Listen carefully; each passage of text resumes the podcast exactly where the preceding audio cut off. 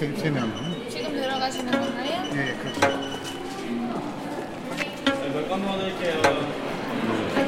롯데 포인트 적립하시나요? 아, 아니 카드 빼주세요. 이쪽으로 들어가세요. 감사합니다. Onze kaartjes. Boudewijn Walraven heeft zijn leven gewijd aan het bestuderen van de Koreaanse cultuur.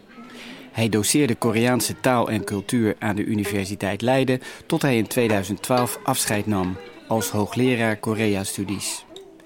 Maar direct na zijn emeritaat, op zijn 65ste, reisde hij naar Zuid-Korea om opnieuw te gaan doseren op de Son Kyung Kwam Universiteit in Seoul.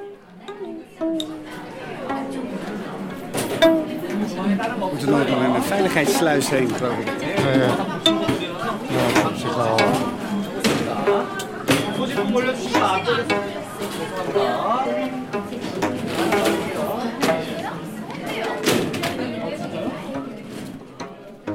Eind augustus kwam er na zes jaar een definitief einde aan Walravens werkzaamheden in Korea. Daarom maken we een afscheidstoer door Seoul, langs plekken die hij heeft zien veranderen en langs personen die hem dierbaar zijn. Tegelijk geeft dit een kijkje onder de motorkap van Zuid-Korea, een land dat snel en dramatisch is veranderd sinds Boudewijn hier 45 jaar geleden voor het eerst kwam. Dit is het eerste deel van het tweeluik De Soul van Seoul.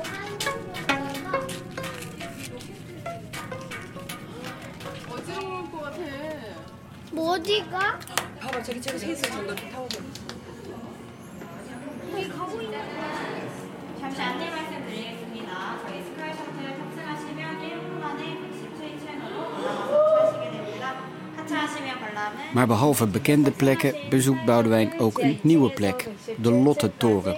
In 2017 pas geopend en nu de hoogste toren van Korea.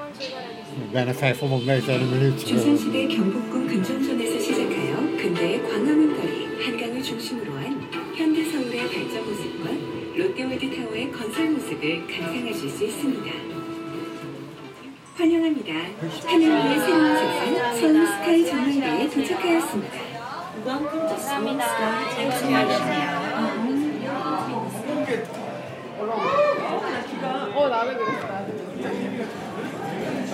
Met een pijlsnelle lift gingen we naar boven. Ja, dat zijn de vechten, dat zien we dus, dat is in Namsan als ik het goed heb. Ja. Eh, daar met de toren, die toren erop. hè. Ja. Dat is vanuit, dat is nog min of meer onderdeel van het oude Seoul, want een gedeelte van de stadsmuur loopt daarover. Dat was de oudste, hoogste toren, maar nu staan we op de nieuwe hoogste toren van Ja. Korea.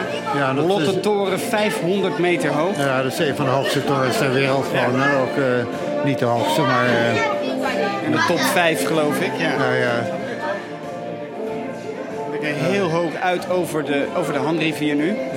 zo. Nooit geweest hier, Boudewijn? Nee, nee, het is de eerste keer dat. eh, eh, ik vind het wel leuk om nog te- even te zien.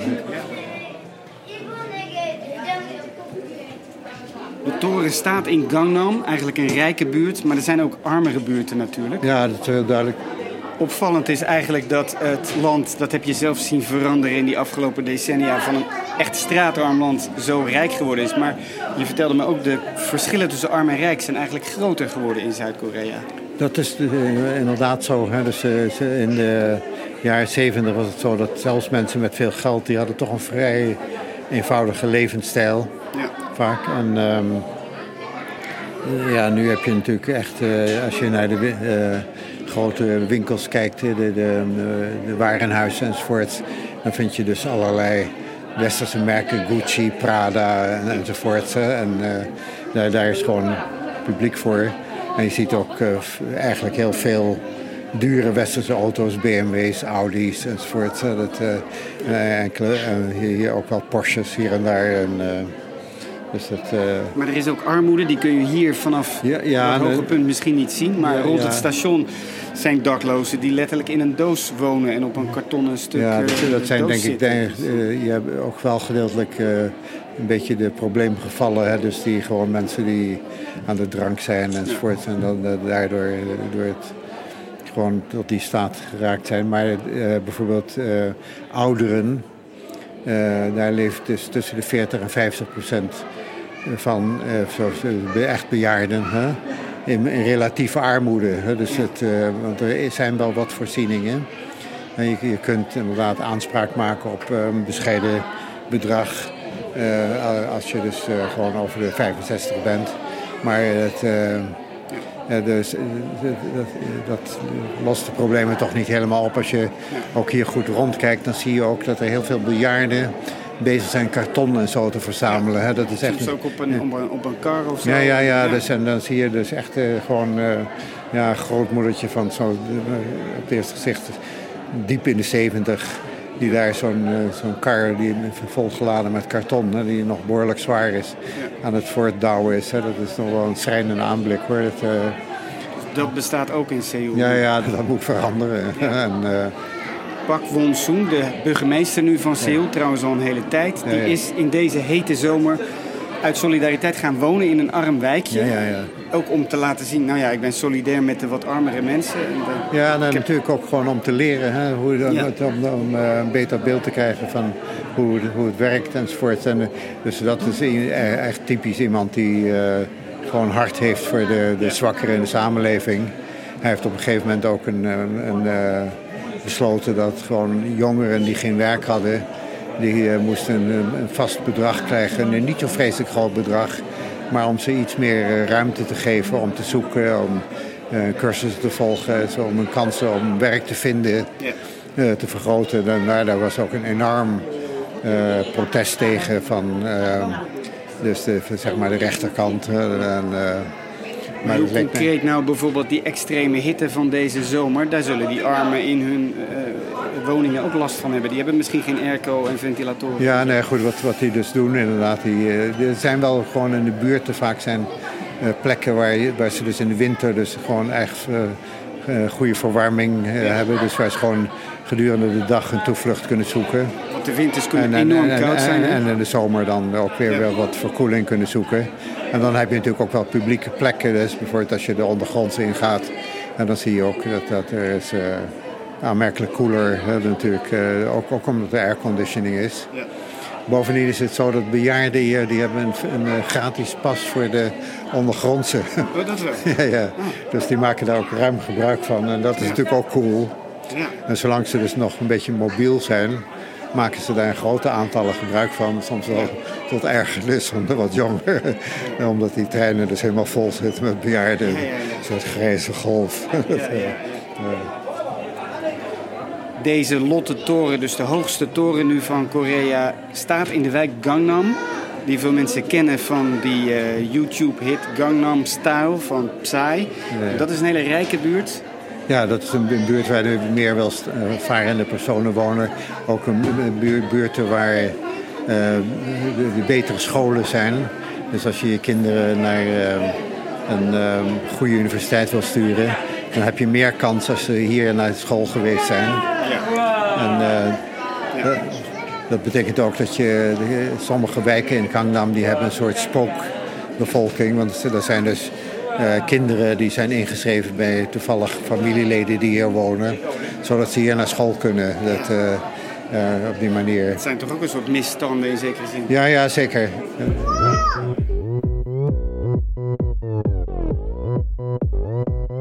Oppan Gangnam Style. Gangnam Style.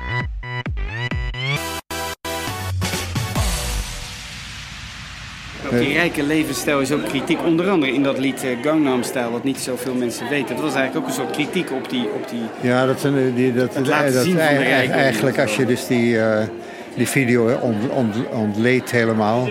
dan laat het allerlei typisch Koreaanse dingen zien. Hè? Ook uh, dus die bejaarden die gewoon een soort busreisje maken... met, met zang erbij enzovoort en dat soort dingen. en... Um, ja, een beetje opscheppen. Gewoon heb je, je, je status beter voordoen dan die in werkelijkheid is. Uh, dus, dat, uh, dus daar kwamen wel allerlei verwijzingen naar, naar, ja. naar voor in het lied. Het, uh, ja. Gangnam Style. 낮에는 따사로운 인간적인 여자 커피 한 잔에 여유를 아는 품격 있는 여자 밤이 오면 심장이 뜨거워지는 여자 그런 반전 있는 여자 너는 Die economische ontwikkeling van Zuid-Korea is echt verschrikkelijk snel gegaan. Hè? Ja, dat is, eh, nou ja, goed, en dus ze zijn van, van oer eh, geweldig arm. Eh, armer dan sommige eh, eh, landen die nu als een soort, soort hopeloos eh, economische landen worden beschouwd. hè. Dus landen in Afrika bijvoorbeeld. En ehm, ja, nu zijn ze lid van de OESO bijvoorbeeld. eh, het, eh, dus Het is er echt een economisch wonder haast. hè? ja, ja, er zijn natuurlijk eh, in zekere zin wel slachtoffers gevallen. Hè? Dus er gewoon eh, vooral tot eind jaren tachtig eh, zijn de arbeidersbeweging, hè, die, eh, die werd onderdrukt. Vakbonden waren Ja, verboden en zo. Ja, en eh, zelfs nu is er nog wel spanning met vakbonden enzovoort af en toe. Maar goed, het was toen, eh, de, de, er werd ontzettend hard gewerkt. En ehm, het was ook eh, opvallend dat er dus bijvoorbeeld eh, heel veel mannen eh, eigenlijk voortijdig stierven. Hè. Dus je krijgt als je naar typische bevolkingssamenstelling kijkt, dan, dan zie je dus dat er dus heel veel mannen dus in die tijd gewoon eh, stierven in de, in de leeftijd van de werkende be- bevolking. Hè. Dus Als het, gevolg van de slechte gewoon- werkomstandigheden. Ja, gewoon van te, te, te, te, hard werken Ja. en, en gewoon... Ook hele lange werkweken. ja, uitputtingen. Dus nog, nog steeds eh, is de werkweek eigenlijk ontzettend lang. Hè. Dus ze hebben net weer eh, een poging gedaan om dat wat verder te beperken. Maar ook weer allerlei eh, weerstand tegen is. Vooral kleinere bedrijven en zo. Die zeggen, ja, dat kunnen wij dan niet eh, bolwerken. Gewoon, hè. Dus het, en één ding wat natuurlijk... eh, gedeeltelijk achter die snelle ontwikkeling was dat was de ontwikkeling van die con- conglomeraten, die chaebol. En die, die werden dus door de regering gesteund. Bekende bedrijven die wij ook allemaal Ja, kennen zoals als Hyundai en Samsung. Eh, en, eh, die, eh, die hebben zich ontzettend ontwikkeld. En eh, ook inderdaad wel bijgedragen aan de groei van de economie. Eh, maar op een manier die eh, niet helemaal eh, gezond is natuurlijk. Ze zijn te sterk. Gewoon, ze, ze beheersen de economie eigenlijk te veel. De overheid heeft En ze het, altijd eh, geholpen. Ja, ja, het midden- en het klein, kleinbedrijf en zo, hè, die, die hebben het heel moeilijk. Hè. Dus, eh, dus als je gewoon in de wi- willekeurige winkelstraat loopt, hè, dan heb je heel veel van die convenience stores. en, eh, en die zijn dus eh, allemaal eigenlijk in handen van ook weer van die grote conglomeraten. En eh, die maken het heel erg moeilijk, zeg maar, voor de, voor de kleine groenteboer bijvoorbeeld. Ja. Of gewoon een winkeltje. Het, eh, En er is al jaren ook sprake van ja, grootschalige corruptie. eh. Ja, dus, dus kijk, het is een soort handje klap tussen de regering vaak en, en, en die bedrijven geweest. Hè? En dat is nu eigenlijk ook eh, eh, door, door de impeachment van, eh, de, de, van Geun-hye is dat eh, de, de, duidelijker geworden. Dat wisten mensen eigenlijk wel hoor. Eind, eh, nee, begin 2017 Ja, ja. is uiteindelijk de president Ja. afgezet na corruptie. eh, Ja, ja, toestanden. en daar, daardoor is gewoon bijvoorbeeld de, de, de huidige baas van, van Samsung... die eh, heeft een flinke tijd in de gevangenis doorgebracht. Hè. Dus, eh, maar het was al eerder gebeurd ook hoor, dat eh Ja. Chaebol-leiders veroordeeld waren. Maar ze, dan kregen ze altijd weer gratie meteen. Hè. En dat is nu iets minder. eh, Dus hij, hij is nu alweer eh, op vrije voeten. Dus het, eh, nadat hij toch wel maanden in de gevangenis heeft gezeten. Dus dat is vrij uitzonderlijk geweest. Ja. Ja, je, van, als je het persoonlijk bekijkt, dan, dan, dan heb je ook een beetje medelijden met een jonge man. Hè, dus die eh, dat systeem eigenlijk heeft eh, geërfd. Ja, ja, ja. En dus ja, moeilijk anders denk je, zou je kunnen zeggen. Hè. Dus het, hij is er eigenlijk ingerold. Is het ook niet een beetje vreemd om nu eh, ja, straks toch een soort afscheid te nemen van Seoul na al die jaren Nou ja, ik hoop je nog wel eens terug te komen, hè, natuurlijk. op bezoek? Ja, ja, ja dus eh, het is niet definitief. En, eh, ja, ik ben natuurlijk heel, heel vaak weer we- weggegaan uit, uit Korea. Hè, dus toen ik hier studeerde, 73, 75, eigenlijk toen had ik het... Ondanks het feit hè, dat het toen een veel armer land was en op een bepaalde manier niet zo comfortabel, had ik het toch heel, erg naar mijn zin. En ik, ik had, eh, in, die, tijd heb ik er zelfs over gedacht om op de een of andere manier te blijven. Eh, maar ja, goed, toen kon, ik een baantje in Leiden krijgen, dus toen ben ik toch maar vertrokken. dus eh, dus alles bij elkaar met, een studentassistentschap wat ik had. Voordat ik naar Korea ging, heb ik in totaal ongeveer, nou precies eigenlijk 40 jaar gewerkt voor de Leidse Universiteit. Wat eigenlijk tegenwoordig niet meer voorkomt. Dus, eh, toen ik afscheid nam, zei de decaan dat ook. Dat, eh, de- dat, dat, dit, zien we niet meer. Eh, maar goed, in die tijd ben ik dus eh, ja, heel vaak in Korea geweest. Maar toch elke keer weer, weer vertrokken. Dus, eh, Maar ik vind het dan ontzettend leuk dat ik na mijn emeritatus gewoon nog, toch nog een hele tijd hier kon kunnen rondkijken. Dus eh, En zes jaar nog gedoseerd hier in Seoul. ja, ja. Is er iets te zeggen over wat nou de aantrekkingskracht is van Korea? Eh, In veel opzichten zijn het toch de mensen eigenlijk. Hè. Er zijn natuurlijk, eh, het landschap is heel, op bepaalde punten heel erg mooi. En eh, je kunt bijvoorbeeld in- fantastisch wandelen in de bergen enzovoort. Maar eigenlijk, zodra ik aankwam...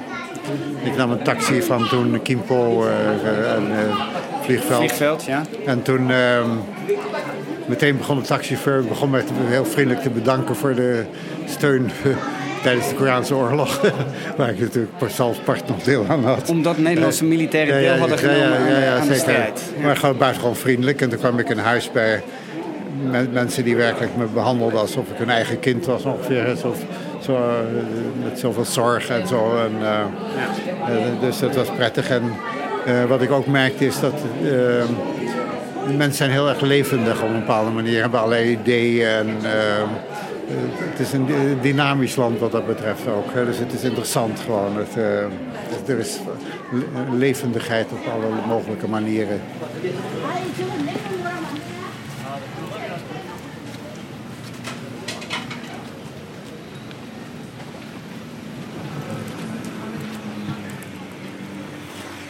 We zijn bij de ingang van de Songyungwan, zowel van de universiteit als van de oude Songyungwan, de Confucianistische Academie.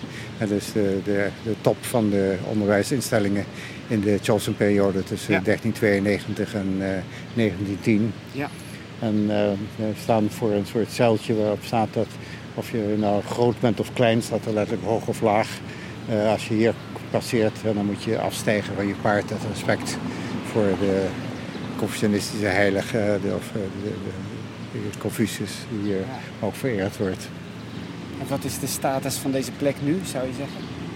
Nou ja, het is nog eh, die Confucianisme, zeg maar, als eerste levensbeschouwing of zoiets. Hè? Dat is eigenlijk heel zwak geworden. Ja. Maar je hebt een soort harde kern wel. Maar het is minder dan 1% van de Koreaanse bevolking hoor. Maar, Die eh, zich Confucianist noemt. ja, dus die, die is ja, echt als er dus bijvoorbeeld een, eh, Ja. een census is waarbij gevraagd wordt wat is jouw godsdienst of levensbeschouwing. Ja. Dan eh, zegt, zegt een percentage van 1% Ja. eh, zegt ik ben Confucianist. Maar het zijn wel vaak mensen met een zeker aanzien. En eh, ook eh, hun, hun- hun organisatie zit in dat moderne gebouw wat we hier ook voor ons Ja.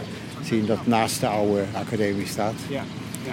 En, eh, dat zijn over het algemeen eh oer-conservatieve lieden, maar ze proberen zich toch wel een beetje aan te passen aan de moderne tijd. Dus eh, bijvoorbeeld, eh, ze tegenwoordig benadrukken ze dat je heel goed bijvoorbeeld christen of boeddhist of iets anders of helemaal niks kunt zijn en toch eigenlijk eh Confucianistische waarden belichamen enzovoort. En dat En is hebben ze daar niet ook gelijk in? Want die ja, dat, Confucianistische dat zeker is dat ook wel zo natuurlijk. Als je Ja. Confucianistische waarden neemt als respect voor ouders bijvoorbeeld. En te- eh, respect voor de samenleving in zekere zin. Hè? Dus voor de organisatie van de samenleving, de regering Ja. enzovoort. Dan tot op zekere hoogte is dat wel zo. Dat is heel invloedrijk, denk ik, geweest. En nog steeds. Ja, maar eh, tot op zekere hoogte is het ook heel erg overgenomen door eh, mensen die eigenlijk geen Confucianist waren. Bijvoorbeeld in, als je de boeddhistische liederen van de, de Joseon-periode bekijkt, en dan zie je dat daar ook wordt aangeraden om goed te zijn voor je ouders, trouw aan de vorst enzovoort. Ja, hè, de- wat, er dan, wat dan doorgaat voor Confucianistische waarden, maar eh, dat verliest eigenlijk dat explosieve stempel Confucianistisch. En je kunt je afvragen of het nog zinnig is om dat Confucianistisch te noemen. Ja. ja. Dit is een plek die je natuurlijk goed kent. Ja, ja. Zullen we gaan kijken naar de oude kijken. academie? Dit is de, de, de- ja, de binnenplaats eigenlijk. Ja, dus is de, de, Twee de gigantisch grote oude bomen in het midden. Ja, dus, dus die hal die daar staat, Oh, dat is waar het onderwijs werd gegeven. Ja. En als je naar het eh, biljet van Duizend Wonden kijkt, dan zie je dat hij daar ook op is afgebeeld. Oké. En die bomen hier, dat zijn dus ginkgo-bomen. Ja. Dat zijn bomen waar Confucius van hield. Hè, dus die werden daar geplant. En eh, deze boom die is eh, exact ongeveer 500 jaar oud. Dus die wordt ook met allerlei kunst en vliegwerk in leven gehouden. Ja. En ook wel een grappig ding is dat je hebt dus meerdere ginkgo-bomen hier staan. Maar bij ginkgo's heb je mannetjes en vrouwtjes. Het zijn allemaal mannetjes hier. Ah.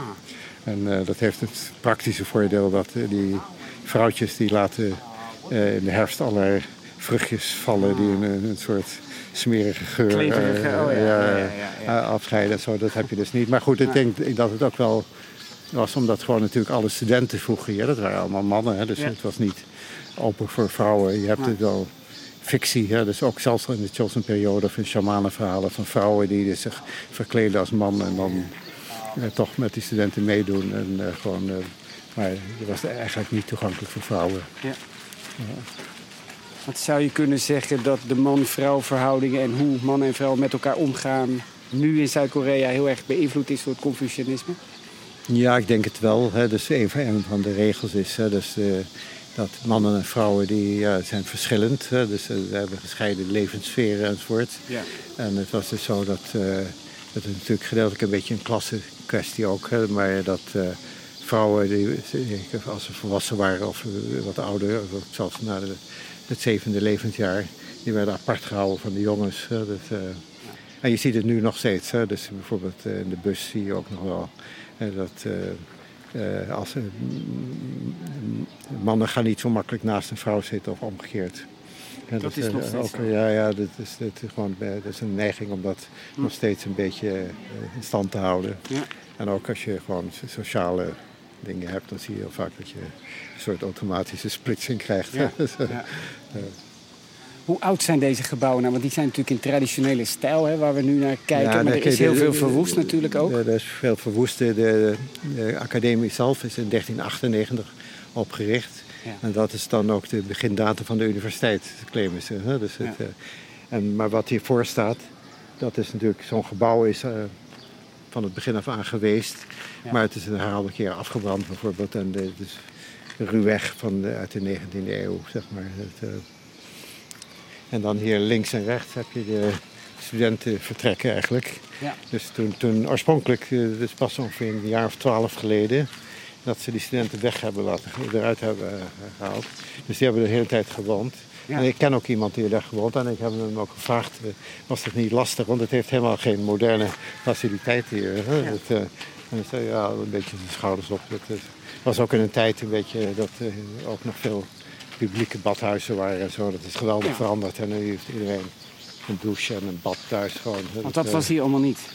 Nee, nee, kijk, in de jaren 70 moet je je voorstellen, Ja. woonde bijna niemand in een appartement. En als er appartementen waren, dan waren ze misschien drie, vier etages. Want ze hadden de techniek van het opstuwen van water in hele hoge appartementen nog niet helemaal onder de knie. Ja. En dus de mensen woonden voor een heel groot deel in het Koreaanse huizen Hanok. Ja. En die Hanok die hadden eigenlijk heel vaak geen echte badkamer. Dat is een soort plek waar je wel een beetje kon afspoelen en, af, en dat soort dingen. En, eh, maar mensen gingen om zich eh terdege flink te wassen. En zo gingen ze gewoon naar een nabij badhuis. En het wemelde ook van de badhuizen, die zijn eigenlijk allemaal verdwenen. Ja. Dat, eh, dus, eh, Ja. en la- later, in 1974, ben ik verhuisd naar een, wat toen een modern huis met één verdieping erop was. En daar hadden we dus wel een, eh, een, een bad eigenlijk, maar dat werd voornamelijk gebruikt om eh, eh, gedurende de nacht water te verzamelen. Want we zaten op een heuvel en de waterdruk was te laag. Vooral ook, Ja, ja. ook beneden daar, is een badhuis dat heel veel water gebruikte. Dus we we moesten gewoon water verzamelen s'avonds. Ja, ja, ja. En nee, ik zelf ging ook heel vaak gewoon naar het badhuis. Ja. Dat was een andere tijd. ja, dat was een compleet andere tijd. Hoe was dat eerste huis in 1973 volgens Ja. mij? Dat was zo'n traditioneel hanok. Eh, ja, en dat was eh, eigenlijk vlakbij het presidentiële paleis. En ehm, op een gegeven moment, toen, eh, aan het eind van de jaren 70, hebben ze die weg voor het presidentiële paleis hebben ze verbreed en toen is het tegen de grond gegaan, dat, dat huis. Maar het was een heel traditioneel huis. Met, het was niet groot, maar het was, de hele structuur was wel traditioneel. Het had een hoofdpoort en dan had je een heel klein plaatsje en dan een paar eh, eh, gebouwtjes waar die gebruikt werden. Dus tegen een dienstmeisje die eh, had een kamertje te- tegen de muur aan. Ja. Dus die kon een mooi open doen als ze laat in de avond de zoon des huizes thuis kwam bijvoorbeeld. En, ja, eh, vooral, het was ook niet zo erg laat, want er was nog een avondklok toen. hè. Je moest voor twaalf van de straat af zijn, maar goed. Eh, En dan eh, had je een, een middenpoort en die was niet in het verlengde van de, van de hoofdpoort, zodat je niet in de vrouwenvertrekken kon kijken. Hè. Dus het, eh, en dan daar omheen, weer een plaatsje stonden, dus stond een L-vormige gebouw en dan een los gebouw. Waar ik in de tijd in gebivakkeerd heb. Ja. Gewoon een, één kamertje gewoon eigenlijk. En, De eh, wc buiten. en een, en een wc buiten. Ja. Het was wel een moderne wc, want met, met, met waterspoeling. Hm. Wat dus dat moderne huis waar ik later naar verhuisd dat dus niet had. Ja, ja, dat was, eh, daar werd gewoon, eh, dat was gewoon een, eh, eigenlijk fundamenteel een soort gat in de grond. En dan een, een tank die gewoon eens in de zoveel tijd geleegd werd. En dat was een, een, een familie natuurlijk waar je bij in woonde. Ja, ja en dat, in dat, aan Hanok was een familie en Ja. die hebben me eigenlijk, eigenlijk moet ik zeggen, als een soort zoon op, op- opgenomen enzovoort. Die wilden ook helemaal geen geld ervoor hebben. Dat, geloof hun kinderen waren in het buitenland. ja, ze hadden eh, twee kinderen die in het buitenland het vrij goed ging. En die Ja. heer des huizes die wilde iets terug, terug doen. Dat is trouwens ook heel confucianistisch. Hè? Ja, dus gewoon de reciprociteit, gewoon iets, eh, Ja, iets eh, terug doen. Als je eh, iets krijgt, dan ook weer zorgen dat je eh, netjes... eh, ja. En dat soort huizen, die Hanoks, die zijn er nog wel, maar veel minder. Er zijn heel veel tegen de vlakte. Ja, nee, dat zijn on- je, moet, je moet je voorstellen dat eh, vooral de mensen die in het, in Seoul wonen, in het centrum enzovoort, eh, daar woont het grootste deel van, van in dat soort huizen. Ja. Ja, dus, en dat is bijna allemaal verdwenen. hè. Dus ehm, eh 90% van de paleizen zijn door de Japanners verwoest. 90% van de overheidsgebouwen, die, er nog een grote aantallen stonden eigenlijk hier en daar, dus buiten de paleizen, eh, hebben ze dus de, de- in de, in de, daarna in de jaren 50 en 60 omlaag gehaald. Deels door de Koreaanse oorlog natuurlijk ook. Ja, ook, ook wel Ook wat. nog? Ja, maar zelfs daarna werd, werd er denk ik nog veel gewoon in Hanok-stijl herbouwd. En daarna de Hanok, die zijn dus, eh, daar is 90% van de, of meer zelfs, gewoon daarna nog vanaf de jaren 70 verdwenen. Hè. Dus het, Ja. eh, behalve een paar, een paar buurtjes hè, waar, waar ze nu nog beschermd zijn of zo. En dan, eh, Maar dat was overheidsbeleid om die Hanoks af te breken, gewoon omdat er te weinig ruimte was. Nou ja, overheidsbeleid had ook het idee van, ja, god, het is ouderwets, eh, niemand wil daar wonen en soort. eh, dat was ook redelijk wel zo. Hè? Dus, eh, ehm, het was voor huisvrouwen vaak toch wel een heel werk om zo'n hanok Ja. draaiend te houden. Ook van, op de verwarming, dat ging met een soort koolgasbriketten. En eh had je een soort kleine kacheltjes en dan moest je op het juiste moment, als een briket bijna uitgebrand was, moest je er een nieuwe opzetten. En dat moest je niet missen, dus dat betekende soms dat je gewoon opeens naar huis mo- moest rennen om te zorgen. Ja. Want het was lastig om ze aan te krijgen. Hè? Dus, het, Ja. eh, dus dat De situatie van het wonen is dus compleet veranderd in ja, die nee, dus, 45 gewoon jaar. in, in no time eh, eigenlijk Ja. zijn ze dus aan het eind van de jaren 70 begonnen met, met flats te bouwen. Ja. En dat werd dus echt de, de geprefereerde wo- woonstijl van eh, eh, de, bijna iedereen. Hè? Dus Hm. eh, mensen vonden het g- geweldig. Terwijl dus Nederlanders vaak toch het idee hebben, ja, een flat is een soort tweederangs Ja. optie. Hè? Dat, eh, je eigen huisje, dat gewoon een rijtjeshuis of zo. Dat is toch, toch altijd te verkiezen, maar eh, dat, dat, dat idee... Nee. Hm. Het hebben maar heel weinig mensen eigenlijk hier, dat, dat, dat soort ideeën. Wat is de reden dat ze die flats zo zagen zitten? Nou ja, gewoon omdat het dus, eh, die hadden de, die centrale verwarming. was modern en eh, gewoon het was, eh, die, de keukens waren handig ingericht enzovoort. En, Ja. en, eh, Because what did they think? Confucianism, right? We stappen nu door de poort. Waar komen wij nu terecht? In welk gedeelte is dit? ja, dus dit is de voorhof en dit is Ja. het gedeelte dat voor de eerdienst bedoeld is. Ja. Dus twee keer per jaar is er een groot ritueel. Ja. Waar dus ook allerlei mensen van buiten worden uitgenodigd. Maar elke maand tot de eerste en de vijftiende van de maanmaand, hè, dus bij donkere maan en volle maan, dan hebben ze dus een kleiner ritueel. Hè, dus waar de echte de hardcore Ja. confusionisten weer dan komen. Ja, hè, dus de meestal zijn er zo'n man of vijftig of zoiets die dan hier verzamelen. En dan heb je celebranten, dus die tafel daar, daar worden dan ook Oh dingen opgezet. Maar Daar staat een gaan- tafel ook. Dan gaan, dan gaan die deuren die gaan open. Ja. En daar, daarbinnen staan dus tafels en, en eh, tabletten met de namen van Confucius. Maar ook bel- belangrijke andere eh, co- Confucianistische wijzen. Hè, en, eh, Yes, the spirit of Confucius was here. Who else? Yi and Yi Huang. Okay, famous Korean scholars, of course.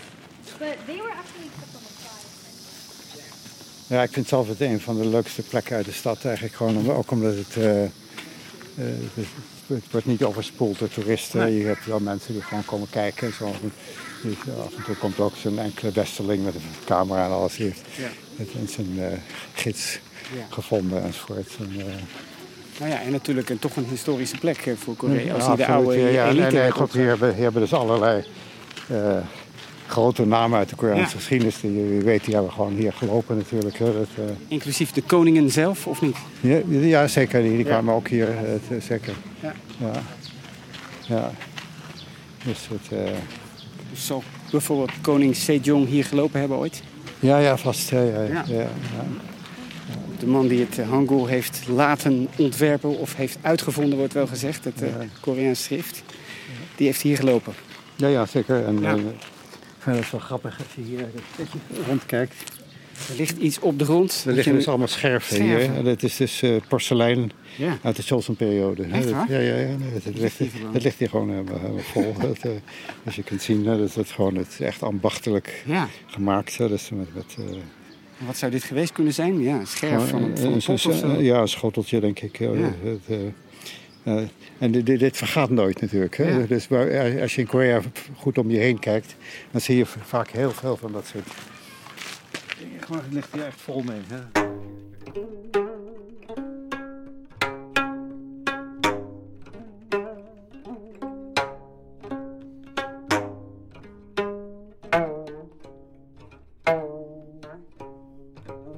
Voor zijn vertrek uit Korea ontmoet Boudewijn graag nog de Amerikaanse Jocelyn Clark.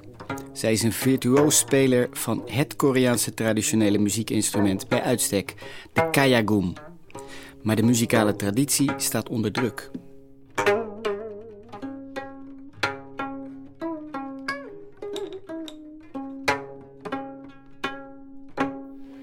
Jocelyn Clark, eh, daar zijn we nu thuis, Boudewijn. Ze is nu nog even aan de telefoon, maar wie is zij? Een Amerikaanse uit Alaska eigenlijk, met een, een, eh, doktersgraad van Harvard, eh, maar die al heel lang hier in Korea is. En eh kayagum speelt, hè, dus een soort Snaarinstrument. ja, sitar-achtig instrument. En ehm, en daar ook heel erg goed in is. Eh, dus zo goed dat ze dus ook eh, een eh, erkenning heeft gekregen als ehm, ja, een van de hoeders van het cultuurgoed. Yeah, and there she is. We're talking about Jocelyn Clark. Yeah, I came to Korea for the first time in 1992 on a scholarship from the nation, what's now called the National Kugak Center, and um, my teacher is is an interesting person in that she's Okay. very strict and very scary and Yeah. lots of tears shed in the process. old-fashioned teachers in Korea, they're Yeah. not uh, very diplomatic. often. She's, uh, she's famous for her swearing in Korean, but Ah. of course I can't understand half of it, so it's shoo over my head. Ja. Maar dit is heel bijzonder, hè? dat zij eh, les heeft van een, eh, ja, een holder. Iemand die de, de culturele tradities, het erfgoed levendig houdt. Dat is een overheidssysteem bijna. Zij heeft les van zo'n eh, ja, holder, zal ik maar zeggen. Ja, ja, daar heb je verschillende graden erin. En Jocelyn heeft nu de laagste graad daarin ook gekregen. Dat is eigenlijk als buitenlander het hoogste wat je kunt bereiken. Hè? Maar Ja. het is toch uitzonderlijk. En een erkenning van haar prestaties op dit gebied. My students have never seen a kayagum live. They've Yeah. seen it on TV.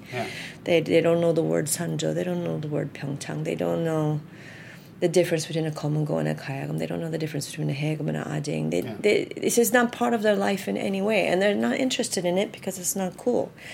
De jeugd op dit moment heeft totaal geen kennis ook van de, de instrumenten. Dus of de, hoe de, we- wel- welke naam de instrumenten hebben, dat weten ze niet. En ehm, ze hebben dus ook geen gevoel voor de meer eh, abstracte muziek, bijvoorbeeld van eh, zoals uh, Kaigum Sanjo. Hè, dus zo'n een uitvoering daarvan, het kan een uur of een anderhalf uur duren. En eh, eh, het, het is, het is geen programmatische muziek waar je dus makkelijk gewoon bij allerlei visuele beelden bij kunt krijgen enzovoort. Je moet, eh, Ja. Het gaat echt om de, de modus enzovoort en de, en de Ja. manier waarop de tonen worden samengevoegd en zo. En dus in die zin is het niet zo makkelijk en dus daardoor eh, dreigt dus de koegak eigenlijk helemaal te verdwijnen zelfs. eh, dus, Ja. Jocelyn is daar vrij pessimistisch over. Het, Ja. With kayagam, we we stop that ringing before we play the next sound. There's no harmony, only in your head, but not actual sounding. There's no harmony. Dus dat is iets bijzonders eh, wat Ja, dus- Jocelyn nu vertelt. Hè, dat elke toon, elke snaar die aangeraakt wordt, ook gestopt wordt. Dus je krijgt aparte tonen elke keer. Ja, ja, dat is iets waar, wat Koreaanse muziek bijvoorbeeld heel erg onderscheidt van Japanse en Chinese muziek. Je kunt eigenlijk, je hoeft geen speciale muzikale kennis te hebben Ja. om te weten, eh, dit is Koreaans en niet Chinees of Japans.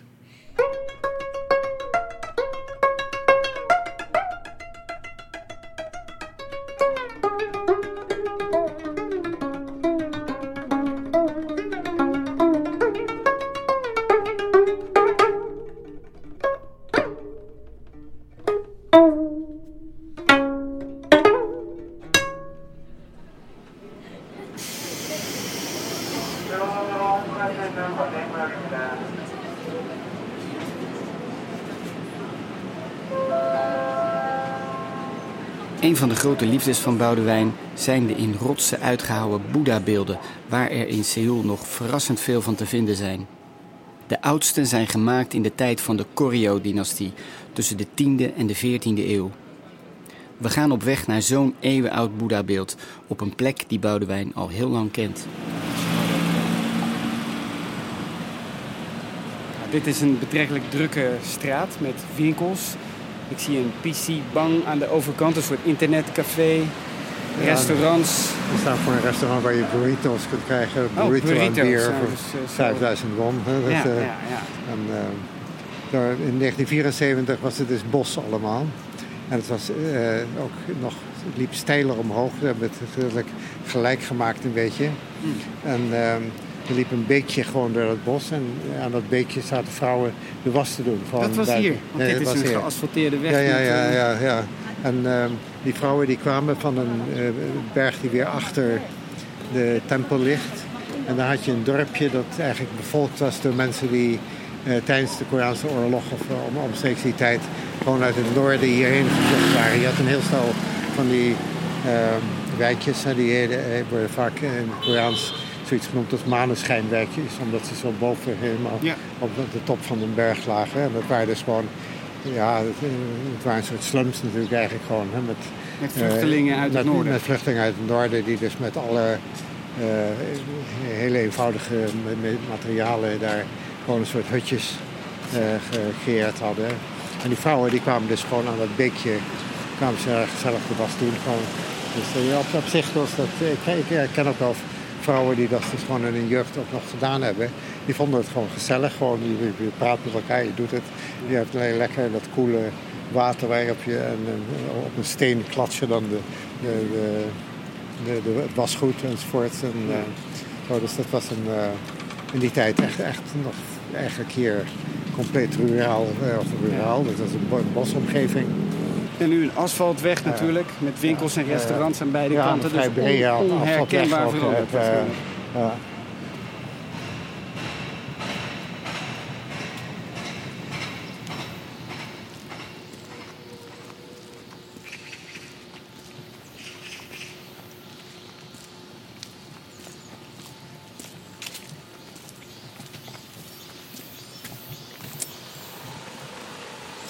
Klimmen nu nog weer een klein beetje omhoog, hè, want eh, eh, het beeld is uitgehouden in de rotsen. Dus we moeten echt tot, tot aan de, de berg zelf lopen. Hè. Eh, We lopen nu plotseling ook onder de bomen. Hier staat dit tempeltje bovenaan eh, ja, de zo. berg bijna. ja, dus, eh, dus er is een, een Boeddha-beeld, gewoon zo'n goud geschilderd Ja. Boeddha-beeld. Maar er is ook een raam waardoor je die sculptuur in, in de rotswand kunt zien. Pal erachter. En de pal Ja. erachter. En dat, het lijkt ook wel een beetje op de, wat je normaal hebt. Bij, bij, eh, iets typisch voor Koreaanse tempels is dat eh, je dus eh Boeddha-beelden hebt. Maar daarachter heb je vaak weer een schildering van dezelfde Boeddha. Ja. Eh, of, een, of soms van een andere Boeddha, maar eh, meestal hetzelfde. En in zekere zin eh, vervult nou die, eh, die Boeddha in, in de rotsen uitgehouwen eh, de rol van die schildering. hè. Ja. Dat, eh, Want we kijken letterlijk door een raam ja. achter de Boeddha naar de, Ja, ja. Naar de, naar de Boeddha in. Ja, ja, we kunnen wel rots gewoon even om, Ja. het gebouwtje heen lopen en dan kunnen we het nog beter zien. Kleine kaarsjes worden ervoor Ja, ja. gebrand. Ja, en daarnaast zijn dus inscripties van, Ja. van, van donaties enzovoort. eh, Met Dus namen denk ik ook. Uit de rots het- uitgehouden. Ja, maar het is niet goed le- leesbaar meer, denk Hmm. ik. De Boeddha die hier uitgehouden is voor ons is indrukwekkend om te zien. Een meter of eh, drieënhalf, vier hoog, gok ik. Ja, het is een bo- een bodhisattva. Hè. Dus, Bodhisattva. daar, daar, daar staat, Daar staat, eh, eh, ik kan, wat daarboven staat, dat is eh, nagenoeg onleesbaar geworden. maar die vroege uh, choreo-periode, dat is dus, dat betekent dat hij hoeveel jaar oud is. Het is iets van 12 tot 13e eeuw. hè. Dat is 1100 zoveel, 1200 zoveel. Dus dat is een goede 900 jaar oud of zoiets, denk ik. Ja, ja. Ik kan- kan me niet herinneren wanneer ik voor het eerst hier gekomen ben. Misschien pas in de jaren 90 of zoiets, of jaren 80. Het, eh, ja. Toen bleek hier ineens een 900 jaar oud Ja, beeld ja, eh, ja, ja, te zijn. ja, ja. Toen Boudewijn Walraven hier in 1973 kwam, zag hij nauwelijks buitenlanders rondlopen. Dat is enorm veranderd. De afgelopen tien jaar is het aantal immigranten in Zuid-Korea verdubbeld.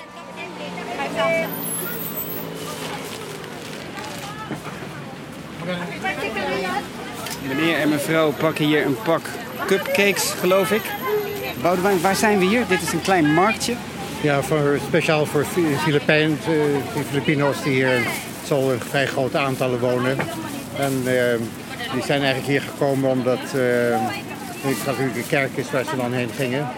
En er is dus bijna, nou, je kunt niet zeggen een Filipijns buurtje, maar er zijn allerlei faciliteiten hier. Bijvoorbeeld de Koreaanse bank die gaat hier op zondag open bij uitzondering, speciaal voor deze groep. Want Filipino's zijn natuurlijk in overgrote meerderheid katholiek.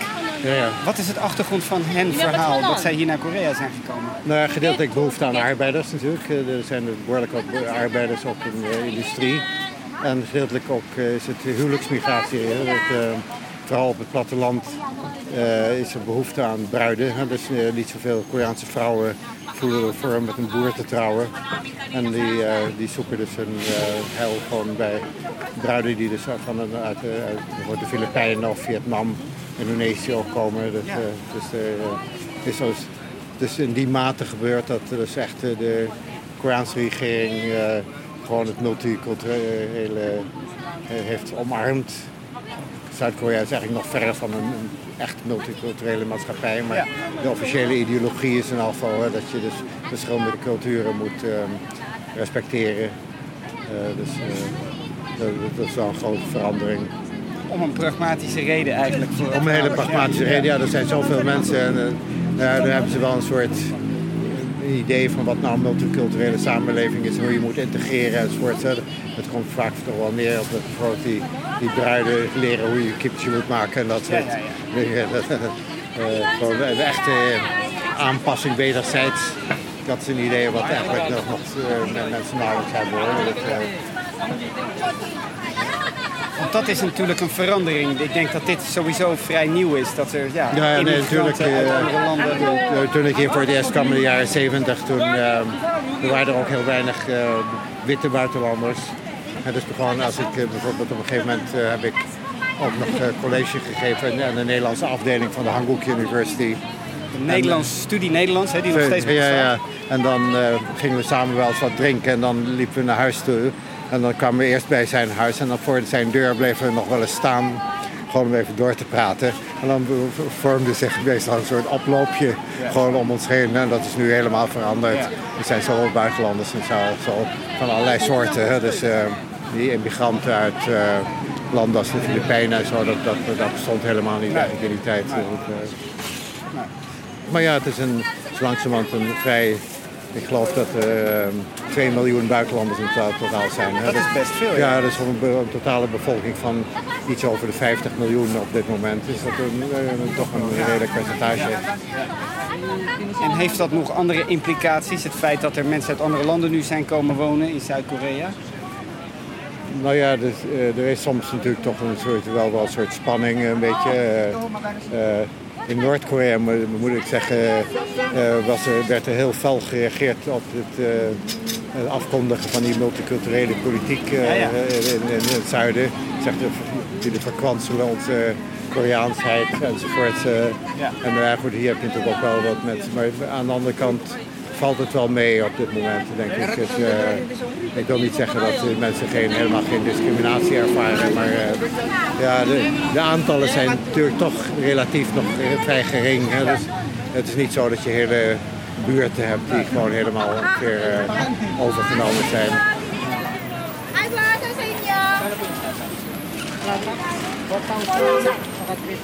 Ik denk dat er heel weinig Koreanen, als je gewoon hier rondkijkt, dan worden we eigenlijk toch eh, voornamelijk omringd door eh, Filipino's. Hè? Dat, eh, hier, die ook al ook nog wat restaurants in de buurt hebben. En, eh, nou, daar staat dan inderdaad iemand die duidelijk geen Filipino is. Nee, dat is namelijk een blanke man Ja, met een bier. pet op die eh, bier koopt, geloof ik. En water vanwege de hitte. Ja, dat grote bak met ijs. eh daar zitten dus twee flesjes bier opgeduwd. Ja. Verder heel veel vlees. eh, En inderdaad producten die je verder je gewoon in de Koreaanse winkels niet kunt krijgen. Dus, eh, eh, nou, ik zag ergens, ik, ik, ik, ik weet niet eens wat, hoe het heet, maar het ziet eruit als een soort gerimpelde komkommer. En eh, iets wat op kousenband leek, zag ik ergens net liggen. Dat, eh, eh, er zijn dus nu wel wijken hier naar waar buitenlanders vooral bij elkaar komen, maar er zijn veel Chinezen.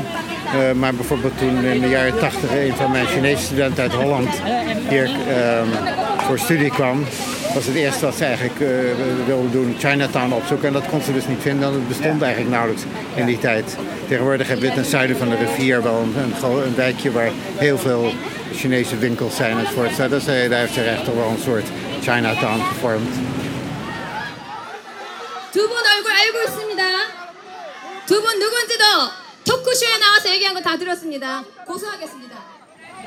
Nu zag ik gisteravond een toch redelijk grote demonstratie voor het grote Centraal Station, Seoul Station. Eigenlijk een anti-vluchtelingen demonstratie. Fake refugees, go out, Ja, dat soort teksten stonden er. Wat is daar de achtergrond van? Ja, dat is eigenlijk eh, toch voor ons eh, vaak toch een beetje moeilijk te begrijpen. Want eh, tot, tot, tot schrik van heel veel buitenlanders die hier al lang wonen en zo... zijn het vaak ook mensen die ze kennen als vrij redelijk enzovoort die daaraan meedoen. Niet per se heel conservatief. Nee, en er is natuurlijk toch wel een soort... Ja, een hele dubbele houding ten opzichte van vreemdelingen. En aan de ene kant zijn ze eh, heel open vaak en behulpzaam enzovoort. En, en eh, aan de andere kant toch eh, bang een beetje misschien ook voor het verloren gaan van eigen cultuur. Maar het aantal vluchtelingen dat door Korea is opgenomen is eigenlijk schandelijk klein tot nu toe. Hè. En, eh, er zijn wel mensen ook, die- het is ook wel jaren geleden dus als vluchtelingen erkend zijn. Ik heb bijvoorbeeld een, ik heb een keer bij een, een of andere discussie voor de televisie waar ik voor was uitgenodigd een eh, man uit de Congo ontmoet. Die professor is geworden aan de universiteit. En die heeft al een mooie geschiedenis op zich. Hij was een communist. en dacht dus dat hij naar Noord-Korea ging. maar goed, hij is dus... Hij, aan de ene kant is hij, is hij dus een... Hij spreekt uitstekend Koreaans. En dat soort, hij is dus heel goed geïntegreerd. Ja. Maar hij, hij legt ook vaak de nadruk erop dat van werkelijke integratie geen sprake is. Omdat er dus van Zuid-Koreaanse kant eigenlijk geen toenadering wordt gezocht. Hè. Dat is allemaal eh, eh, Koreaans leren volksdansen en kimchi maken en dat soort eh, dingen. Dus, eh, ze hebben wel mondjesmaat af en toe vluchtelingen geaccepteerd. Uh, tot mijn verbazing dus ook die man. Dus, Ja. dus ken- kennelijk... de De communist uit ja, Congo. ja, ja, ja, ja. ja. Ja. Ja. I have your rice noodles, spring roll, chicken barbecue, hot dog, pork beef all like that, sir.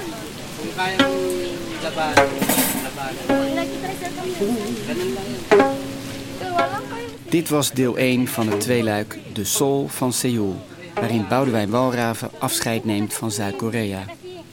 Een documentaire podcast van Guido Spring. Techniek Rob Gerritsen. Volgende keer in deel 2 bezoeken we een shamanistisch ritueel. Want het shamanisme is nog springlevend en het is Boudewijns specialisme. En we blikken terug op de demonstraties van 2016, waar Boudewijn bij was, want die maakten op hem grote indruk. Daar trad protestzangeres Yang Hee-eun op, al decennia lang een fenomeen in Korea. Zou het lukken haar te ontmoeten voor Boudewijns vertrek?